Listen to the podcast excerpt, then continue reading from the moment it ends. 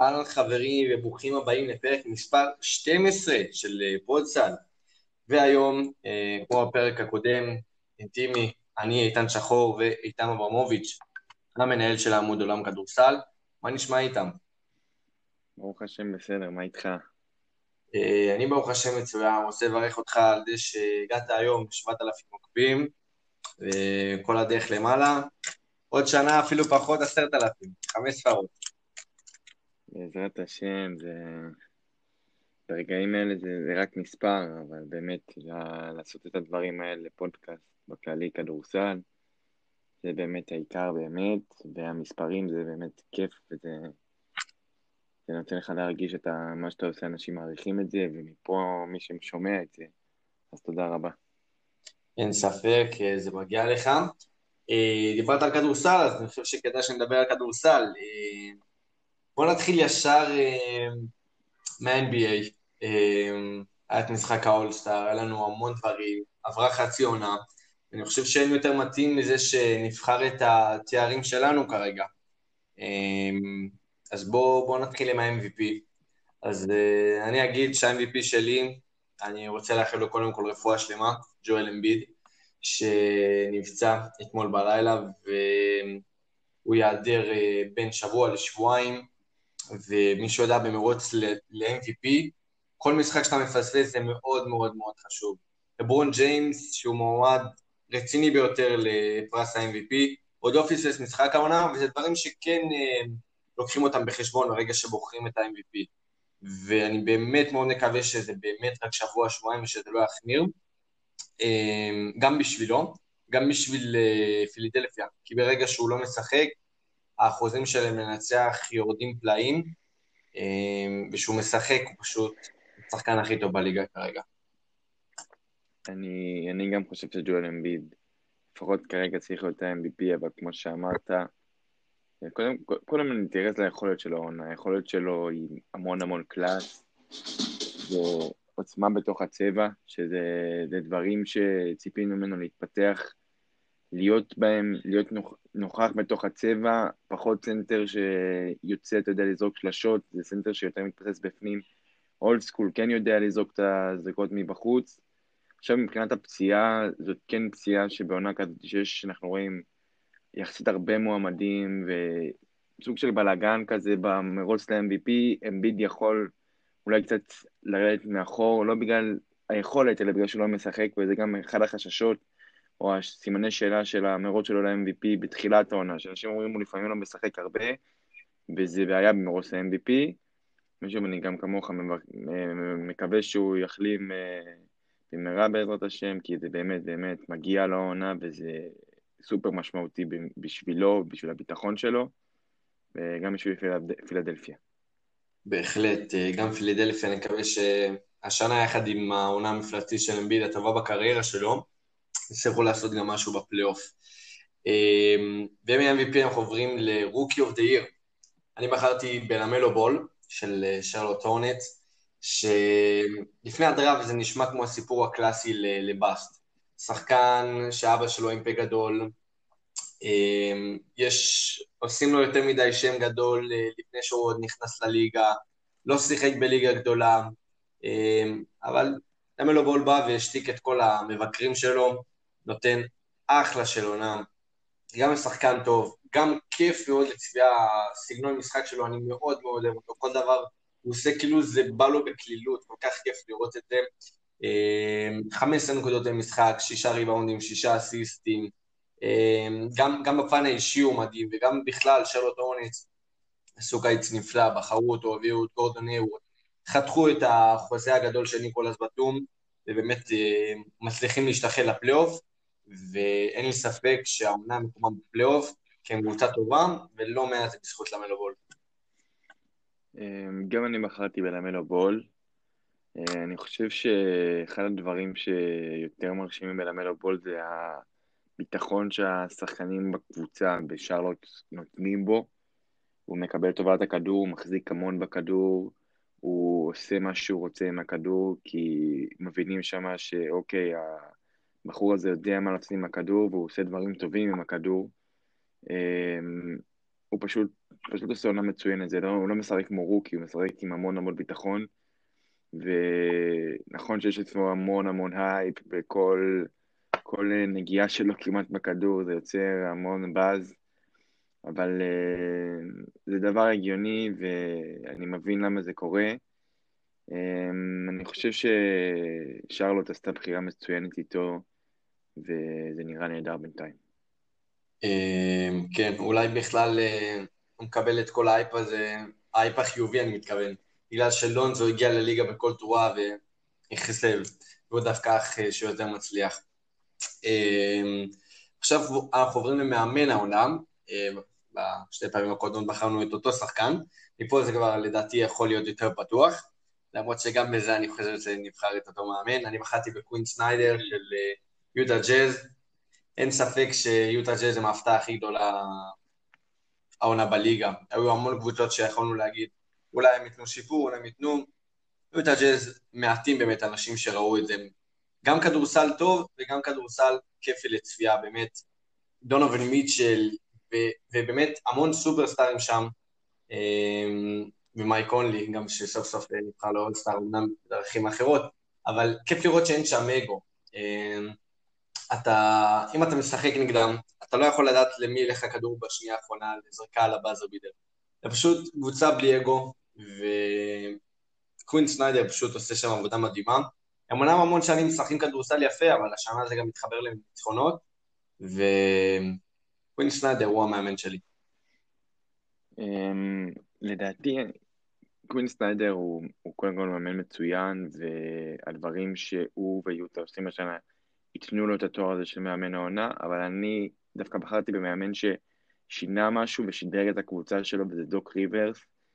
דוק ריברס הוא מאמן עונה סדירה מצוין בעונות האחרונות בקליפרס, ופילדלפיה גם היא קבוצת עונה סדירה לא רעה, והשילוב בין, בינו לבין פילדלפיה, הוא מצליח להוציא דברים מצוינים מג'ואל אמביט, כמו שדיברנו מקודם, שהוא עושה עונת MVP, טובייס האריס, שהוא מכיר אותו מצוין, הפך שוב לשחקן יותר יעיל מהעונה הקודמת.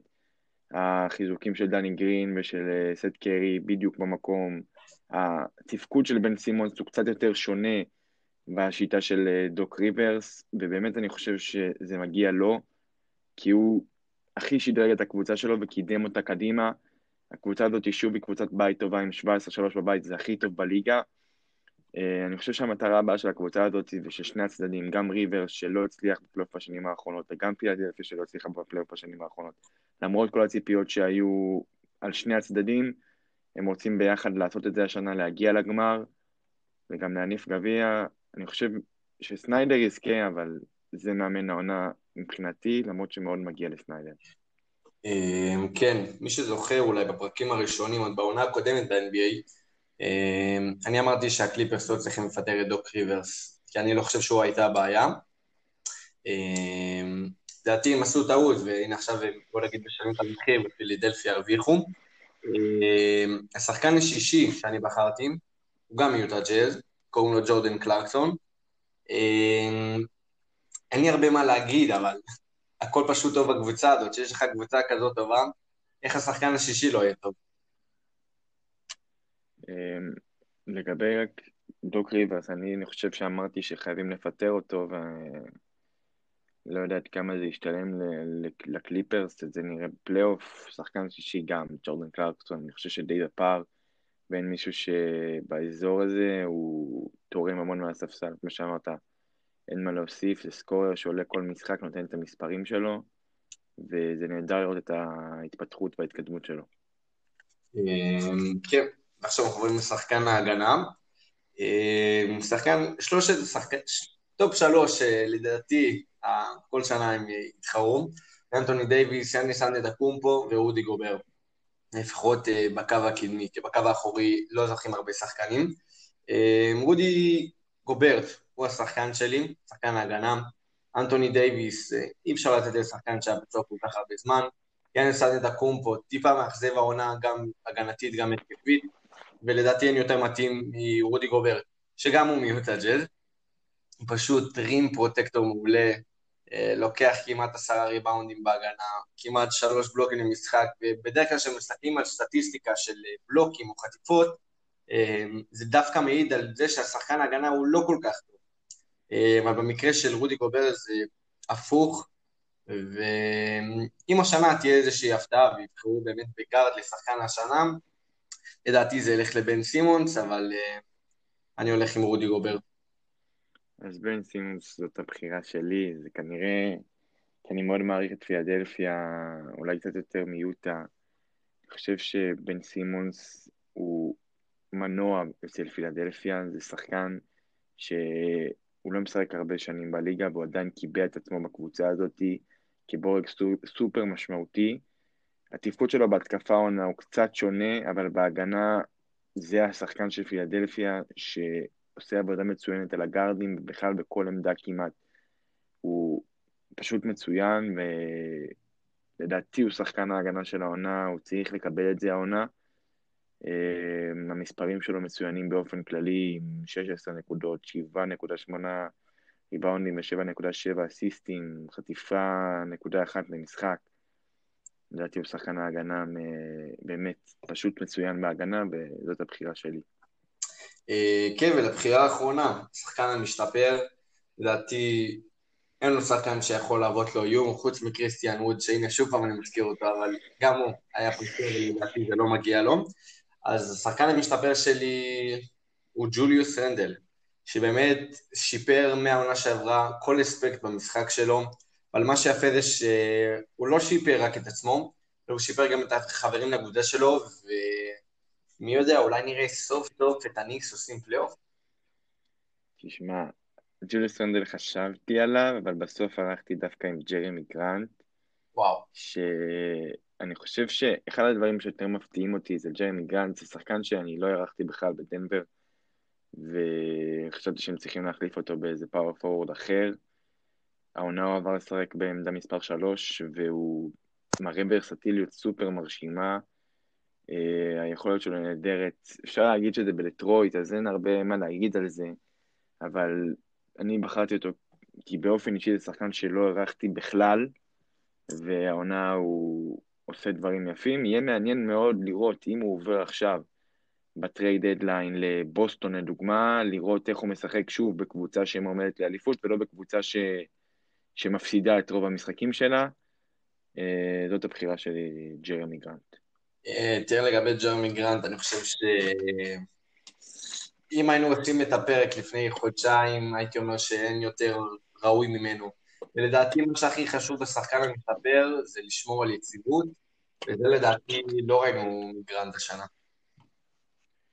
תשמע, זה, זה, זה נכון, אין מה, אין מה להגיד על זה, אבל אני חושב שהבחירה הזאת שלי באה מהמקום שפשוט לא הערכתי את השחקן הזה, ושאלה הוא מראה משהו אחר. ג'וליוס רנדל, לגביו, אני חושב שהקפיצה שהוא עושה השנה היא, היא מדהימה, אני מאוד אוהב את השחקן הזה, ומאוד אה, אה, אהבתי את המעבר שלו לניקס, כי חשבתי ששם הוא יקבל את המקום שלו. אה, המאמן שפשוט חיבר את כל החלקים בניקס, כולל אותו, זה טיבודו, ובאמת כיף לראות את רנדל השנה, והגיע לו להיות באולסטאר, ושחקן המשתפר לגמרי מגיע לו. אמ, כן, אז דיברת על, על הקבוצות. אז ככה, לפני הפרק הכנו, כל אחד בחר את הקבוצה המאכזבת שלו ואת הקבוצה המפתיעה לטובה שלו. אמ, בוא, בוא תספר לי במי אתה בחרת, באילו קבוצות. אמ, אני חושב שהקבוצה אולי המפתיעה זאת, זה הניקס. שדי מפתיעים. אמ, אני חושב שאתה יודע, בשנים האחרונות התרגלנו לראות אותם מפסידים המון, וקבוצה שמשחקים שלה לא יותר מדי כיפים לצפייה, אבל בעונה הזאת, הקבוצה הזאת היא פשוט כיפית לצפייה. זה, זה כיף לראות את המשחקים שלה ואת השילוב של הצעירים שם, ואת השדרוג שלהם. אה, רנדל, בר, אה, ארג'יי בארט, עמנואל קוויקלי, כולם שם מקבלים את ה drive מטיבודו, שגם הפך את הקבוצה הזאת לקבוצת הגנה מהטובות בליגה, שזה זה, מדהים. Um, החיזוק של דרק רוז, שזה trade שהם כנראה רצו הרבה זמן, עוד יותר שדרג שם. אני חושב שהאתגר הבא של הקבוצה הזאת זה להכניס עוד יותר לקצב את אובי טופיין ואת מיטשל רובינסון, ולבנות קבוצה צעירה יותר חזקה מבחינתם. טוב, הקבוצה המפתיעה שלי זה דווקא הלייקרס. אמנם גם עונה שעברה הם היו טובים, ואפילו הם לקחו אליפות, אבל uh, מה שהכי תפס לי את העין זה שבלי ה superstar המשני שלהם, הם עדיין מצליחים לשמור על המקום השלישי במערב. Uh, לברון ג'יימס בגיל 35 עדיין מעמיד ממוצעים של 25 נקודות, 8 ריבאונדים, 8 אסיסטים, ויחד עם דני שרודר ומונטרז הארל שהגיעו בקיץ, אמ, באמת מצליחים לשמור על המקום הזה, כי בעונה של לברון לא היה עוד all-star איתו, בלייקרס זה נגמר בלי, בלי פלייאוף.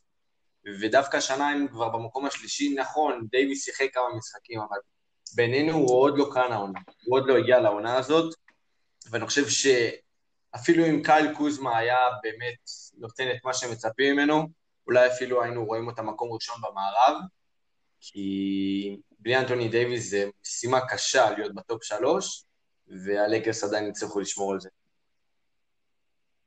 אמ, המאכזבת שלי, הקבוצה המאכזבת, זאת לאו דווקא קבוצה שמדברים עליה הרבה, סקרמנטו, שחשבתי שהם יעשו קצת יותר העונה, מאשר מקום 13 עם מאזן שלילי של 23-15. אמ, בבועה ראיתי בקבוצה הזאת הרבה דברים מאוד יפים, שחשבתי ש... ייקחו קצת step בעונה הזאת ויהיו באזור של ה play-in. טייריס אליברטון מצטרף לשם והוא נראה נהדר, אבל באופן כללי נראה שהקבוצה שם לא מספיק מחוברת. אני חושב שה trade deadline הנוכחי זאת הזדמנות שם לעשות איזה שינוי, כי יש שם שלושה שחקנים שלדעתי צריכים איכשהו לעבור ב trade, אפילו ארבעה, הריסון בארנס, מרווין בגלי, אמ, באדי הילד וחסן וייטסייד, ארבעה שחקנים שלא כל כך מוצאים את עצמם שם, למרות שאתה יודע, הם נותנים משחקים טובים וזה נראה בסדר, אבל הקבוצה מפסידה. הקבוצה שם צריכה שינוי, לבנות סביב דיארון פוקס, משהו יותר חזק. אה, אולי אפילו לשנות את המאמן, שזה לוק וולטון כרגע, אני שוב יאמר את השם הזה, קני אטקינסון, זה מאמן שיודע להוציא משחקנים צעירים, הרבה, ראינו את זה בברוקלין. אה, הקבוצה שאלתי, שאני אוהד עדיין, שקני אטקינסון היה מאמן שם וראיתי איך הוא מוציא מדיאנג'לו ראסל דברים שב-NBA כבר חשבו שאולי לא יוציאו ממנו, ואני חושב שצריכים שם לעשות איזשהו שינוי, כי באמת יש שם פוטנציאל אצל דיארון פוקס, ואפשר לעשות מהקבוצה הזאת יותר. אמ, תראה, לגבי הקבוצה המאכזבת שלך, סקרמנטו, אני באמת חושב ש... אני, אני קשה לי לראות אפילו את העתיד שלהם, הם כן עושים tanking, הם לא עושים tanking, זה נורא קשה לראות. זה באמצע. כן. זה תקוע באמצע. זה, הם, הם, הם לא החלטיים, ואתה יודע, גם אם החלטיים ועושים tanking, זה עדיף להגיד, אנחנו מנסים, כי מנסים, וכמו שזה נראה כרגע, זה לא עובד. אמ, לגבי הקבוצה המפתיעה שלך, אני אחזור על זה לניו יורק ניקס, חשוב לי לציין שלניקס יש הכי הרבה אה, מקום בתקרת שכר, וגם בקיץ משתחררים להם עוד כמה מיליונים שם, והם יוכלו להביא עוד איזה סופרסטאר, עוד כמה שחקנים משלימים, ובאמת אה, אולי בעונה הבאה נראה מהם משהו הרבה הרבה יותר גדול. אמ, הקבוצה המאכזבת שלי היא מינסוטה טימברוולבס, שזה לא כל כך מפתיע. אמ, אחרי שהם בחרו את אנטוני אדוארדס, אני די הייתי בטוח שהם הצליחו לברוח מהתחתית. לא חשבתי שהם יעשו פלייאוף, אבל עדיין מקום אחרון זה לא המקום שהם ראויים להיות לו. אמ, למרות שקארל אנתוני טאונס לא שיחק, ציפיתי מאדוארדס, אה, שנבחר מקום ראשון בדראפט, הוא מעמיד, כאילו, נותן אחלה עונה, כן, לא, לא הפתיע אותי עכשיו, למרות שבתקופה האחרונה הוא ממש מעלה את הרמה שלו, אבל בינתיים העונה הוא סביר, בוא נגיד את זה ככה, לשחקן שנבחר ראשון בדראפט, אמ, במיוחד מה שלאמלו בול עושה עם המקום השלישי. גם, דיאנ, גם דיאנג'לו ראסל, שוב פעם, מאכזב, שוב פעם יצטרכו לעשות tanking, ג'ארט קאלבר שוב פעם מאכזב. אמ, גם ההשעיה של מאליק ביזלי ל-12 משחקים בעקבות כך שהוא הסתבך עם החוק, עם החזקת נשק, סמים, אמ, זה לא כל כך מועיל לסיפור שיש שם, ומעניין אותי עוד כמה בחירות דף הם, הם יצטרכו בשביל לצאת מהמקום האחרון, פשוט תקועים שם כל כך הרבה זמן. אה, אני חושב לגבי מנסוטה, שגם אני חושב שזה עניין של אה, זמן, אלא אם כן איזה קבוצה בכירה תעשה איזה שהוא move, מה שנקרא, חזק, שג'ון קולינס יהיה שם, ואני חושב שמינסוטה זה פשוט קבוצה שלא הולך לה, זה... כן, יש שם כישרון, ואחרי ה trade של דיאנג'לו ראסל, אולי זה כבר היה עושה את הקפיצה קדימה, אבל זה לא עובד. המינוי של קריס, קריס פינץ' עכשיו, אני חושב שהוא מינוי נכון, ואולי הוא יצליח לעשות שם קצת יותר. מינסוטה צריכה לקוות שהבחירה של העונה תישאר שלה. אני חושב שזה אצל גולדן סטייט וזה בטוח על top שלוש, שזה לא כל כך בטוח שזה שיש מינסוטה צריך לקוות ל lottery טוב. ובאמת, אני חושב שכמו שאמרת, צריך לעשות שם שוב איזשהו משהו מחדש, כי זה לא, לא נראה ממש טוב כרגע. כן, אה, אז עד כאן NBA, ועכשיו אנחנו עוברים קצת לליגה שלנו, אה, לפחות לקבוצה מהליגה שלנו. אה, נתחיל עם מכבי תל אביב, וניגע דווקא משחקים שלה באירופה. אמנם אני שואל אותך, כאוהד מכבי לא אוהד מכבי, אבל תנסה לתת דעה כמה שיותר אובייקטיבית. האם עבדו למכבי תל אביב הסיכויים לעלות להצלבה? כרגע מעשית לא, אבל תיאורטית לגמרי כן, אין, אין ממש איזשהו סיכוי שזה יקרה. אה, מכבי באמת, כן. מכבי באמת תצטרך פה את ה... לנצח את כל המשחקים שנשארו לה, וגם... ולקוות לאיזה משהו מטורף שיקרה מסביב, ולא צריך לבנות על זה, מכבי צריכה לבוא למשחקים, לנצח אותם, ובסיום העונה לבדוק אם היא איכשהו כתוב לידה שמונה ומעלה ב... ליד הסמל שלה. כן, אה, טוב, אז גם אני חושב כמוך, ואני חושב שגם למעלה מ-90% מאוהדי מכבי חושבים כמונו שמכבי תל אביב אין לה עוד סיכוי להפיל לשלב הבא, כמו שאמרתי, היא צריכה לנצח את הכל, וגם אז היא לא תלויה רק בעצמה. סיפור לא פשוט, אבל אה, אם כן מכבי יכולה איכשהו להועיל לעצמה העונה עדיין באירופה. אה, אם היא לא תסיים את העונה הזאת בצורה מזעזעת, כמו שזה נראה עכשיו, אה, אלא אם היא תנצח חלק גדול מהמשחקים שנותרו לה, זה יוכל לתת לה טעם טוב, טעם מתוק להמשך העונה פה בליגה, כי כמו שזה נראה, עומדים לתת לה פייט פה בקבוצות בליגה גם לגבי האליפות, וגם בקשר לעונה הבאה, אה, לבניית הקבוצה ליורוליג, לעונה הבאה. אבל אה, איפה לדעתך היו הנפילות של מכבי תל אביב העונה? מכבי תל אביב לא עשתה שינוי דרסטי בסגל, הם עשו פה שינויים מינוריים, אז איך זה שהיה מפלה של 180 מעלות? תשמע, אני חושב דווקא הפוך, שאולי רוב הסגל והבסיס שלו כן כאן, אבל שוב אני אגיד את שני השחקנים האלה, שאין לי שום דבר רע נגדם, כי אני חושב שהם באמת מוכשרים, ז'יז'יץ' ובנדר. מכבי תל אביב, ורועי כהן הזכיר את זה כמה פעמים בשאלות תשובות בסטורי שלו, זו קבוצה שצריכה קו קדמי אתלטי.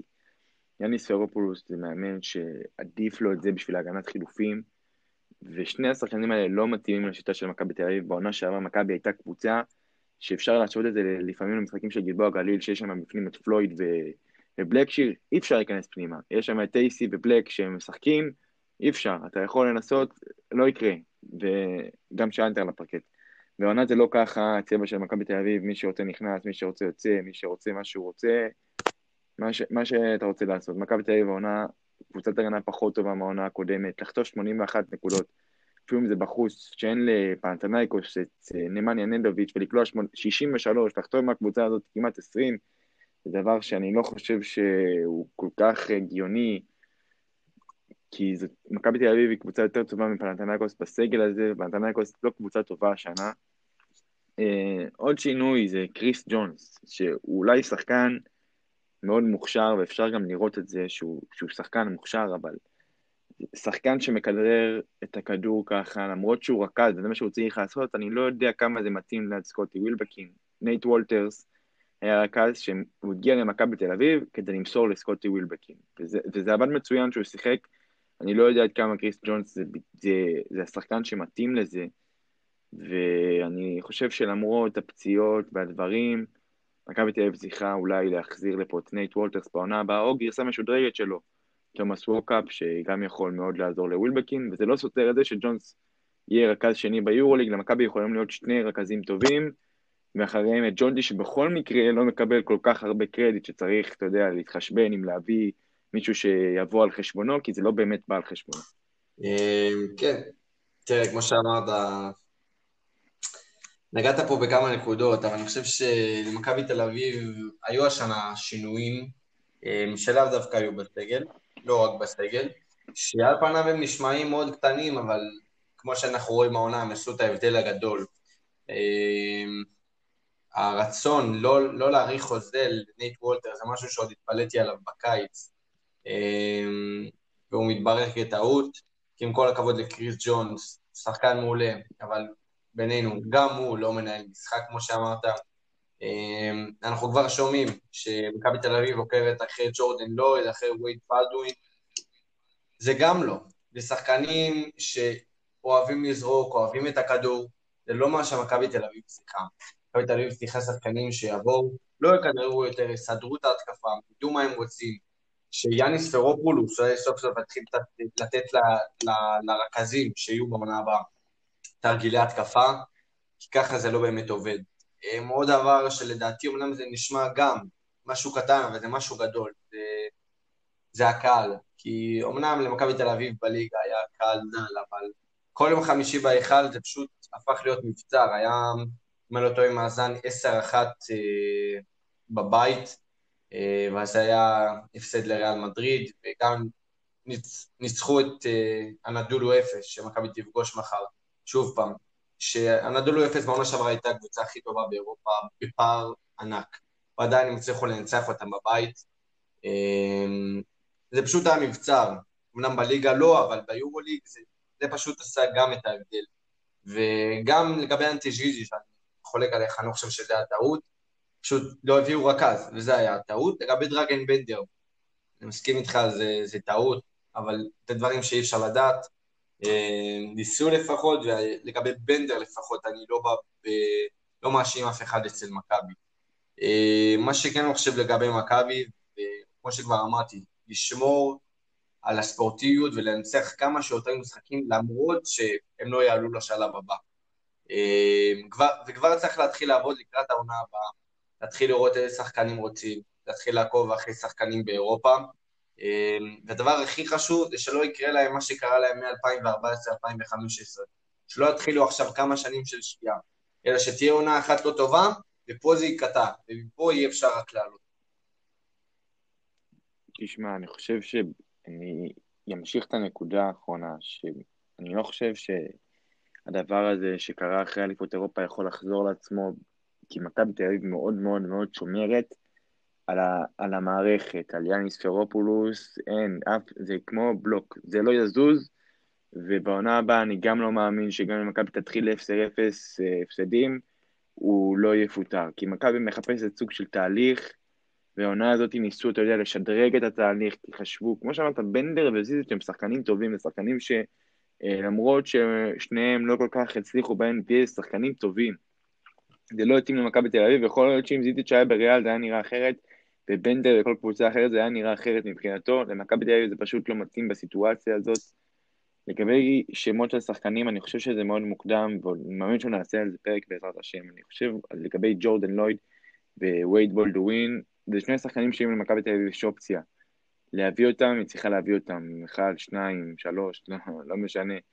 אה, מי מהם, ונוסיף לרשימה הזאת גם שחקנים כמו ג'וש ניבו, שעכשיו זה גם יהיה שלוש, אה, ואז להסתדר עם התאמות לווילבקין ודברים כאלה. יש עוד שחקן אחד שאני מאוד אוהב אותו, וזה קלויארו, שזה שחקן שמהרגע שהוא החליף שם את קאסט בעונה שעברה, זה פשוט עוד יותר אה, הפך להיות שחקן אהוב עליי בעונה שלפני זה, למרות שמכבי לא הייתה בפלייאוף, הוא כלה סלים גדולים, היה עשה משחקים נהדרים, ולגבי העונה הבאה, אני לא יודע אם, כמה, עד כמה זה יכול להתאים. אני חושב שמכבי תל אביב, אם משאירה את קלויארו, זה צריך, במקרה שיש ארבע ושלוש טובים, ושהוא המחליף שלהם, אבל שוב, אני חושב שנעשה על זה איזה פרק בהמשך ואחרי סיום העונה, בינתיים שמכבי תנצח כמה שיותר מבחינתה, ואולי איזשהו משהו, אבל אני חושב איתך שבשלב הבא היא כנראה כבר לא תהיה. טוב, והימור שלך למחר או הערב, מתי שתשמעו את הפרק נגד אה, אפס בבית? אמ, אני חושב שדווקא מכבי תצליח לנצח את המשחק הזה בבית, 1500. אה, אני אחד מהם, בעזרת השם, אני חושב שדווקא מכבי את זה, איכשהו, איכשהו תצליח לנצח, למרות שהיא פוגשת, אנחנו מאמין שנדבר על זה, את הקבוצה החמה באירופה. כן, את כל זה תוכלו לקרוא בפריוויו.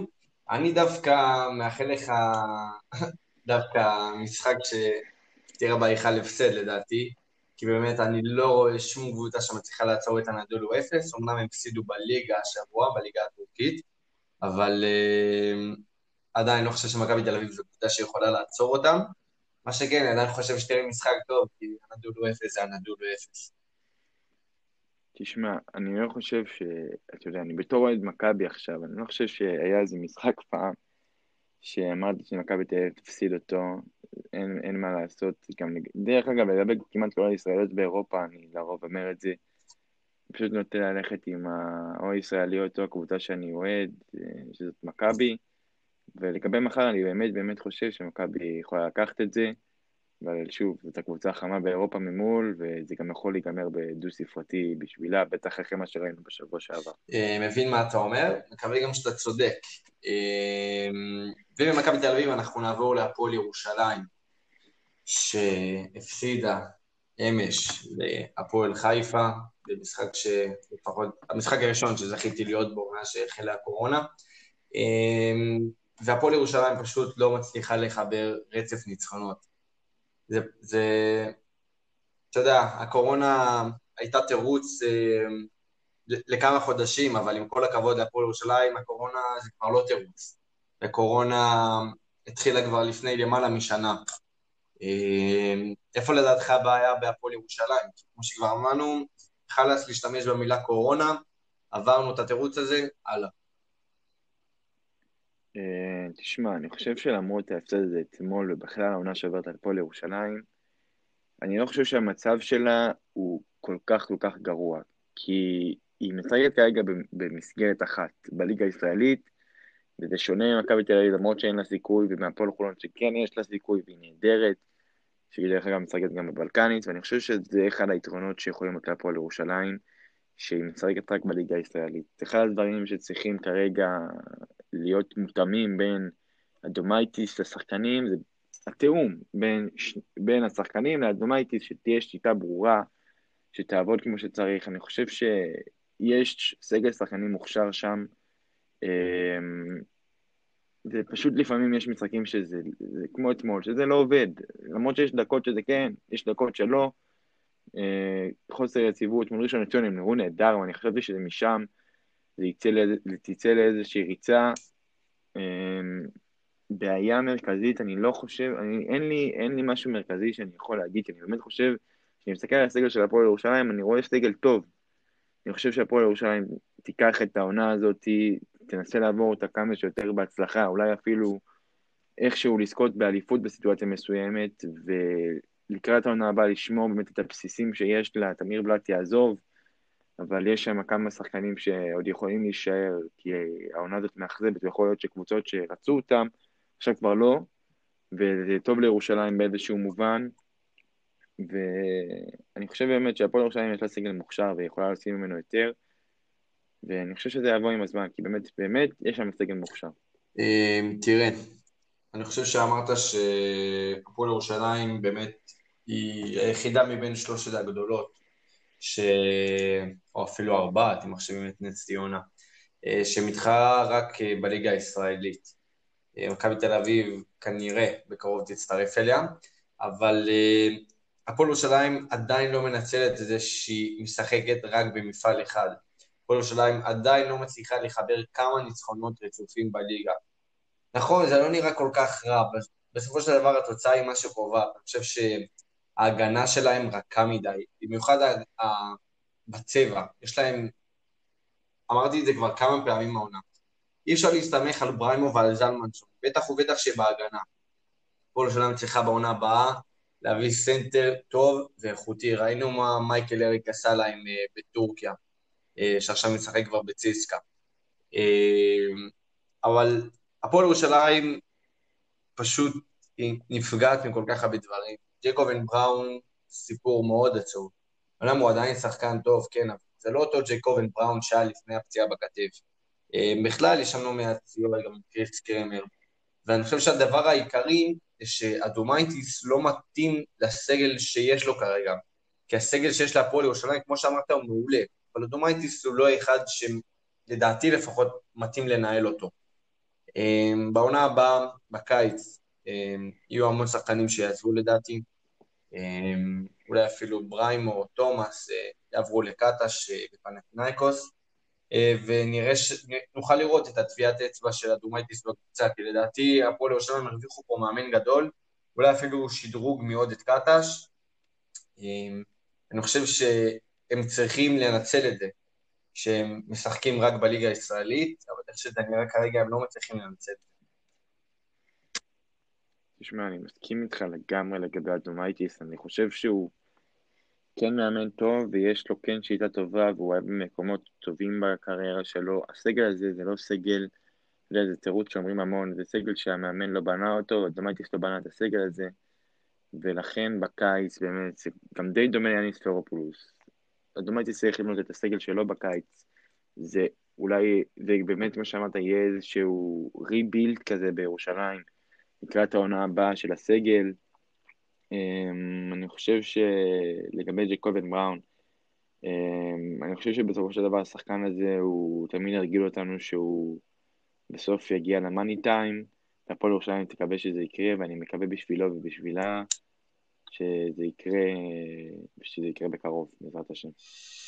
גם אנחנו מקווים בשבילה, ומהפועל ירושלים אנחנו עוברים להפועל חולון, שביום רביעי תפגוש את קרשיאקה הטורקית במסגרת אה, ליגת האלופות, במשחק שבמידה והפועל חולון תנצח בו, ותוכל להפיל לשלב הבא, שמי היה מאמין שהיא תגיע לסיטואציה כזאת. מה דעתך, האם היא תוכל באמת לנצח את אה, קרשיאקה ביום רביעי? אמ, תשמע, לפי היכולת לאחרונה של הפועל חולון, ולפי איך שהיא מרגילה אותנו, אז אין ספק שכן. כי הם ניצחו את טופש בורסה, שהיא קבוצה מצוינת העונה, ברינדיסי, שהיא קבוצה מצוינת העונה, ובאמת אני חושב שלהפועל חולון יש סיכוי טוב לנצח מחר, מחר, יום רביעי, השלישי. רביעי, רביעי. אה, רביעי, ביום רביעי לנצח ולהשלים את ההעפלה הזו, שזה יהיה הישג מדהים מבחינתם. אה, כיף לראות את, הקבוצה הזאת השנה, למרות שבליגה קצת היא לא, פחות קצת מצליחה, אבל זה, אני חושב שהם, אה, יש להם הנחה בקטע הזה, ובגדול אה, אפשר לראות דוגמה אחת שכמה רצון יש בקבוצה הזאת השנה, וכמה באמת את הרצון להוציא מהסגל שיש להם כרגע, כמה שאפשר, זה יום שלישי משחקים מול בורסה ומנצחים, יום רביעי אחרי זה דף חדש, מה שנקרא, עולים לשחק בליגה הבלקנית וגם שם מנצחים. אמ, רק, רק שבחים לקבוצה הזאת באמת, כי הם עושים דברים מאוד מאוד יפים השנה, שאני מקווה שיימשכו, כי זה פשוט כיף לראות אותם. מצליחים ובגדול בינתיים, גם אם הם לא איכשהו יעפילו לשלב הבא, כבוד גדול מגיע להם. אין ספק שהם מביאים המון גאווה למדינה שלנו, אמ, אבל אני דווקא אהיה שוב פעם פסימי. ולדעתי תפסיד לקרשיאקה. אה, כי עם כל הכבוד, אה, זה לא ברינדיסי וזה לא תופש בורסה, קרשיאקה זו קבוצה יותר חזקה. אה, נמצאים במקום השני בסופר ליג, בליגה הטורקית, אפילו לפני פנרבכצ'ה. יש להם חמישה ניצחונות בשישה משחקים, אבל אולי משהו שכן יוכל להביא להפועל חולון את הניצחון, זה דווקא שהמשחק הזה בבית. אמ, ושיש אוהדים סוף סוף, כי להפועל חולון יש אוהדים מצוינים, ואני חושב שלאוהדים תהיה המון השפעה, אה, לפחות על, על תוצאת המשחק. אבל הפועל חולון גם אה, החתימה עם שחקן, את נייט אה, ססטינה. אה, חשוב לי לשמוע מה, מה אתה חושב על ההחתמה הזאת. אמ, אני חושב שהוא משחק רק בליגה ובליגה הבלקנית. נכון, נכון, כן. הוא לא משחק בליגת האלופות. שאני חושב שדווקא זה דבר טוב מאוד להפועל חולון, כי בליגה, כמו שאמרתם קודם, הם קצת פחות אה, מצליחים אה, להצליח שם בסטנדרטים שלהם. וזה חיזוק טוב לליגה. הוא נראה שחקן טוב, דדס גם, אני חושב שאמר בתגובה שם, בפורט של המועדון שהוא מכיר את השחקן הזה, וזה דבר יפה מאוד, אני חושב שהוא יכול מאוד להועיל, כי באמת חולון צריכה עוד נוכחות בצבע, אה, ליד לזהו, שהאוול לא משחק. ולגבי מחר, אני חושב שזה, לא מחר, יום רביעי, שוב, אה, אני חושב שזו הפעם הראשונה שיש להפועל חולון קהל, ומגיע לקהל לראות את הקבוצה הזאת שלו העונה, ואני בטוח שתהיה שם דחיפה גדולה, כי יש להם אה, פשוט קהל מדהים. כן, תראה, לגבי ססטי, אני חושב שמבחינה טקטית זו החתמה מעולה, כי ריצ'רד האוול כבר לא, לא צעיר. וראינו שהוא מחמיץ לא מעט משחקי מונה, וזה לא אחד שאפשר לבנות עליו. אה, ומקסים דזאו זה אחלה שחקן, אבל הוא ידוע בבעיית העבירות שיש לו, וגם זה, זה סיפון, ולכן להוסיף עוד שחקן קבע זה אחלה החתמה. אה, לגבי זה שהוא לא משחק בליגת האלופות, זה חבל מאוד. אבל מצד שני זה גם מראה שהפועל חולון אומרים, אנחנו לא מתרכזים רק באירופה, אנחנו לא מוותרים פה על הליגה, אלא אנחנו גם מתרכזים באירופה וגם מתרכזים בליגה, באמת הם לא מוותרים על שום דבר, ובאיזשהו אופן ההחתמה הזאת גם יכולה להועיל להם באירופה, כי בליגה הוא יוכל להוריד עומס מרצ'ה דאוול וממקסים זזר. אמ, תראה, לגבי היכולת שלו, אני לא כל כך סגור על זה, אבל זה טוב שהם הביאו עוד stretch five, כמו מקסים דזהו, שחקן גבוה, שיכול לעבוד גם בצבע, אבל שגם יש לו קליעת חצי מרחק וקליעה לשלוש, כי ראינו שזה עבד עם דזהו, אז למה לא להביא עוד שחקן אה, בשיטה הזאת? אה, טוב, אז גם כמו שעשינו ב-NBA, ככה גם נעשה בליגה שלנו, קבוצה מאכזבת, קבוצה מפתיעה. אה, אני אתחיל עם הקבוצה המאכזבת, שהיא מכבי חיפה. חבל לי לראות קבוצה שעד לפני ארבע שנים עוד התחלתה בגמר וכמעט לקחה אליפות. אה, שיורדת, ככל הנראה, תרד העונה, סליחה על הפסים, שוב פעם, תרד בפעם השנייה בשלוש שנים האחרונות, היו להם המון שינויים בסגל, גם שינויים על הקווים, ו... איך אני אגיד, זה חבל, אבל איך שהם נראים העונה, הם לא, לא ראויים להישאר בליגה הזאת. אה, תשמע, מכבי חיפה באמת היכולת של העונה היא היא לא מספיק טובה, אבל יש קבוצה שקצת מאכזבת אותי יותר. אמ, אני לא יודע אם זה אכזבה, כי זה, יש כמה דברים שלא ממש היו ב, ב, באשמתה, וזאת מכבי ראשון לציון, שהמיקום שלה בטבלה, אני חושב שלא משקף את היכולת ואת ה... גם של המאמן, וגם של השחקנים, וגם של המערכת הזאת. אמ, במשחקים האחרונים, משחקים האחרונים, שתי משחקים האחרונים אה, מול הפועל תל אביב ומול בני הרצליה, המשחק שהיה היום, הם נראו קצת יותר טוב, אה, והצליחו לקחת את הניצחונות, שזה משמעותי מאוד בשבילם, כי הם יכולים עכשיו איכשהו להסתכל לכיוון הבית העליון בסיטואציה מסוימת, אם באמת פרגו פה יוביל אותם בצורה טובה. Uh, השינויים בקו האחורי זה שינויים שאני לא יודע עד כמה הם היו נכונים, אבל גודס הלך על פרגו, ואני מאמין שרוב המאמנים גם בליגה היו הולכים על פרגו, מאשר uh, טריי לואיס ואייזיה טיילור, שניהם uh, שוחררו, אני חושב. ווילסון היה טוב מאוד מול בני הרצליה, הייתה לו שם פציעה בסוף, אני מקווה שהוא בסדר. Uh, זאת הקבוצה שמבחינתי קצת מאכזבת, אבל שוב. זאת קבוצה שהיו לה משחקים טובים מהעונה, רק מבחינת המיקום כרגע זה קצת קצת פחות טוב, אבל הם, הם מתייצבים. אה, כן, לגבי ראשון לציון, אני מסכים איתך שהם אה, מאוד מאכזבים העונה, אבל אני חושב שהבעיה היא לא ביכולת שלהם, אלא ביציבות, כי ראינו כבר כמה פעמים העונה שמכבי ראשון לציון משחקת מעולה. הנה, היא עלתה לגמר גביע המדינה על חשבון הפועל ירושלים, ובאמת נתנה גם כמה משחקים טובים בליגה. אמ, אז יכולת תהיה שם, הבעיה היא באמת ביציבות, אבל זה לא משהו שאני דואג לגביו, כי מכבי ראשון לציין ידועה בשנים האחרונות ביכולת שלה להיות טובה במאני טיים, אה, גם אני סומך על גיא גוד, מה שהוא עושה שם, וגם ג'מיל ווילסון וג'רמי פרגו שהביאו את זה אחלה החתמות לדעתי. לגבי הקבוצה המפתיעה וטובה, אני הלכתי על הפועל חיפה. אלעד חסין עושה שם אחלה של עבודה. משחק התקפה מעולה, באמת מעולה. משחק התקפה יפה לעין, משחק התקפה טוב, סבלני. הביאו אחלה זרים, קנן אבנס, זה וואו, באמת וואו. וגם ג'ייסון סיגרס, אומנם שיחק פה הרבה שנים בליגה. אבל אה, גם העונה הוא ממשיך לתת אה, תצוגות נפלאות, ואתמול לראות אותו בלייב, עוצר את הקאמבק של הפועל ירושלים, בדקות, בשניות האחרונות פשוט עצר לבד את הפועל ירושלים, והניצחון הזה יכול להיות רשום על שמו, גם אה, ליאונרד פרימן נותן אחלה נוכחות בצבע, ורקים בקס, באמת אחלה של זרים, ומצד שני גם אחלה ישראלים, עמית שמחון, כיף לראות אותו שם, עדיין יש לו את הכלייה לשלוש הטובה, וכרם אשור, שגם אתמול נתן משחק טוב, אמנם הוא הלך והתדכדך עם השנים, אבל לדעתי השנה הוא כן טיפה יכול במקום לרדת, אלא לעלות, עונה מעט, אבל זה עדיין עלייה ולא ירידה. אה, וזו הקבוצה המפתיעה שלי, ואני דווקא בתחילת העונה אמרתי שבני הרצליה הם יהיו הקבוצה היותר טובה שעלו מהלאומית, אבל uh, מסתבר שטעיתי, והנה הפועל חיפה נותנת לה פייט, למרות שגם הרצליה קבוצה לא רעה בכלל. תשמע, אני גם חושב שהפועל חיפה היא קבוצה מפתיעה לטובה, לטובה מאוד.